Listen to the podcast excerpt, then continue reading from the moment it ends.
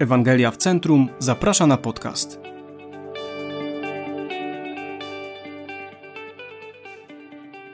Niekomfortowe nabożeństwo. Trzy zasady zaangażowania w kościele. Rebeka McLachlin. Przepraszam, że ci przerwałam. Właśnie zaczęłam rozmawiać z przyjaciółką z kościoła. Bardzo chciałam nadrobić zaległości, ale kiedy ona mówiła, zauważyłam kobietę siedzącą samotnie, która przeglądała biuletyn z programem nabożeństwa. Szczerze mówiąc, żałowałam wtedy, że ją zauważyłam. Przerwanie mojej przyjaciółce byłoby niegrzeczne. To przecież dobrze, że inwestuje w przyjaciół. Ktoś inny prawdopodobnie zauważy tę kobietę. To były tylko niektóre z wymówek, które przeszły mi przez głowę. Ale ta kobieta była najwyraźniej nowa i z tego co wiedziałam, nie była wierząca. Więc niechętnie przerwałam mojej przyjaciółce. Gdy tylko usiadłam z nieznajomą kobietą, która przyszła na nabożeństwo, podziękowałam Bogu, że to zrobiłam. Wychowana jako katoliczka, nie chodziła do kościoła od ponad dziesięciu lat. Jej narzeczony właśnie zerwał z nią tuż przed ślubem, a ona potrzebowała w życiu czegoś innego. Zaryzykowałam i zapytałam, czy nie zechciałaby przyjść na spotkanie naszej małej grupy wspólnotowej. Zgodziła się. Od tamtej pory przychodzi do kościoła i na studium biblijne. To była jedna z wielu okazji, jakie mój mąż Brian i ja mieliśmy, by nawiązać kontakt z jeszcze niechrześcijanami w budynku naszego kościoła. W dodatku ja i mój mąż nie mamy ze sobą wiele wspólnego. Jestem ekstrawertyczką, on jest introwertykiem. Ja pochodzę z Anglii, on z Oklahomy. Ja zajmuję się literaturą, on jest inżynierem. Ale Bóg połączył nas wokół wspólnego poczucia misji, a Brian ostatnio wyraził tę misję w trzech zasadach zaangażowania w kościele. Te zasady sprawiają, że nasze niedziele są mniej komfortowe, ale bardziej satysfakcjonujące. Jeśli jesteś zmęczony wygodnym życiem, może spróbujesz zastosować te pomysły u siebie. Samotna osoba na naszych nabożeństwach to sytuacja wyjątkowa. W czasie kryzysu robimy dziwne rzeczy. Przerywamy rozmowy, odkładamy na bok społeczne konwenanse. Gdyby ktoś zasłabł w budynku twojego kościoła, wszyscy by się zmobilizowali, ale każdego tygodnia ludzie przychodzą po raz pierwszy na nasze kościelne spotkania i są skutecznie ignorowani. Mogą nie znać Jezusa albo spędzili lata na oddalaniu się od Niego, ich duchowe zdrowie jest zagrożone, a zwykła rozmowa może być kroplówką, której Bóg użyje, aby przygotować ich do operacji ratującej życie. Stawką jest wieczne życie. A co jeśli jest to zwykły członek kościoła, który jest samotny? Odosobniony wierzący to też sytuacja kryzysowa.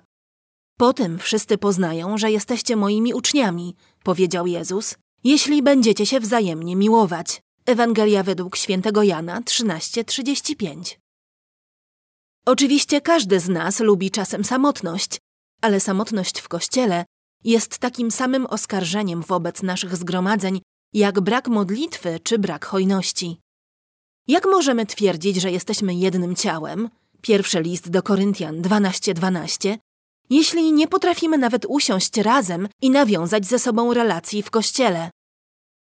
Przychodzę do kościoła z pięcioosobową rodziną, ale podstawową rodziną, jaką widzimy w Nowym Testamencie, nie jest rodzina biologiczna, ale Kościół.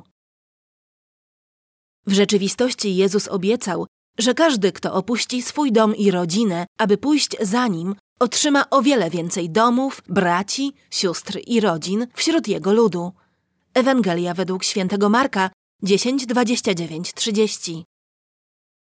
Istnieją namacalne sposoby, poprzez które możemy to wyrazić w kościele. Ci z nas, którzy przychodzą do kościoła ze swoimi rodzinami, mogą zaprosić innych, aby usiedli razem z nimi, albo nawet aby spędzili czas z innymi członkami kościoła. W ostatnią niedzielę na przykład postanowiłam usiąść pomiędzy dwiema siostrami w Chrystusie, jedną z Nigerii, drugą z Gany. Mogłam cieszyć się uwielbianiem Jezusa razem z nimi. Bycie jednym ciałem z naszym duchowym rodzeństwem oznacza więcej niż siedzenie razem z innymi w kościele, ale z pewnością nie oznacza mniej niż to. To wezwanie nie jest przeznaczone tylko dla osób w małżeństwie. Jeśli przychodzisz do kościoła sam, nie lekceważ tego, co Bóg może zrobić przez ciebie, by błogosławić innych. Jakiś czas temu moja przyjaciółka, która żyje sama, podzieliła się swoim smutkiem z powodu siedzenia samotnie w kościele. Jest wspaniałą towarzyską ekstrawertyczką, a ja powiedziałam jej, że nie ma prawa siedzieć sama, kiedy może błogosławić innych swoim towarzystwem. Myślę, że każdy z nas w tym czy innym czasie przyszedł na nabożeństwo zastanawiając się, kto mnie pokocha. A co gdybyśmy zamiast tego zadali sobie pytanie, kogo ja mogę kochać? Przyjaciele mogą poczekać. Czy ominęła mnie jakaś bliska chwila z przyjaciółką, której wtedy przerwałam, aby przywitać się z siedzącą samotnie kobietą? Tak i nie. Biblia nazywa nas współbojownikami.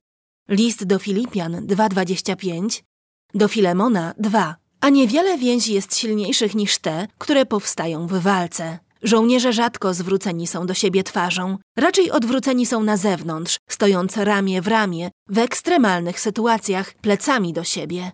Walka zwiększa ich bliskość. Czy poznajesz tę kobietę?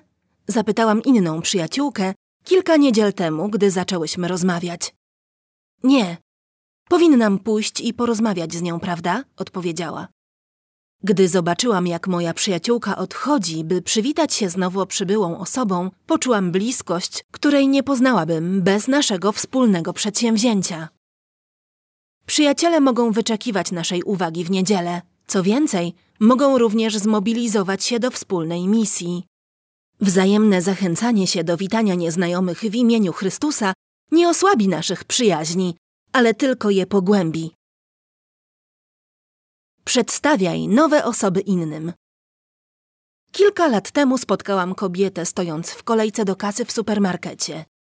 Niedawno przyjechała z Chin i była stypendystką na Harvardzie. Zaczęłyśmy rozmawiać i postanowiłam zaryzykować zapraszając ją do kościoła. Zgodziła się.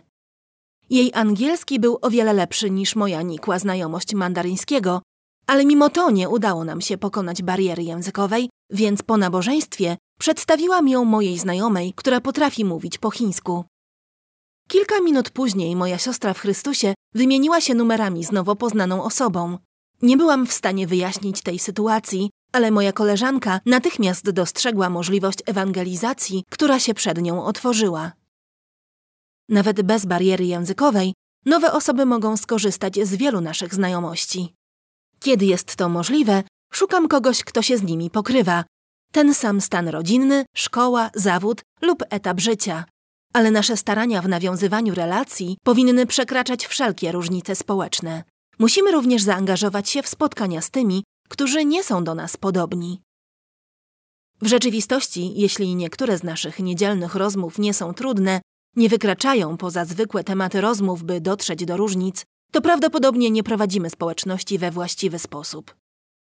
Wskazując na kulturowe, społeczne i rasowe podziały swoich czasów, Paweł przypomniał kolosanom, że w Chrystusie nie ma Greka ani Żyda, obrzezanego ani nieobrzezanego, cudzoziemca ani scyty, niewolnika ani wolnego, ale wszystkim i we wszystkich Chrystus.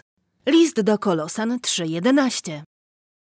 Podejmij ryzyko. Dlatego w nadchodzącą niedzielę zaryzykujmy. Wyjdźmy ponad nasze małe podziały z innymi, naśladując tego, który pokonał dla nas wielką przepaść i zachęćmy naszych przyjaciół, aby zrobili to samo, ponieważ żniwo naszych zgromadzeń może być obfite. Możemy nigdy się nie dowiedzieć, jaką różnicę zrobił niewielki akt powitania, ale czasami Bóg pozwala nam zobaczyć, jak wplata On nasze małe czyny w swój o wiele większy plan.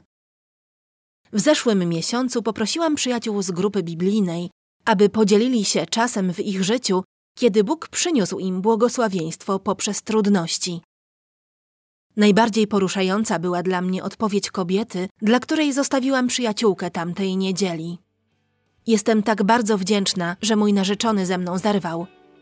Gdyby to się nie stało, nie odnalazłabym Boga.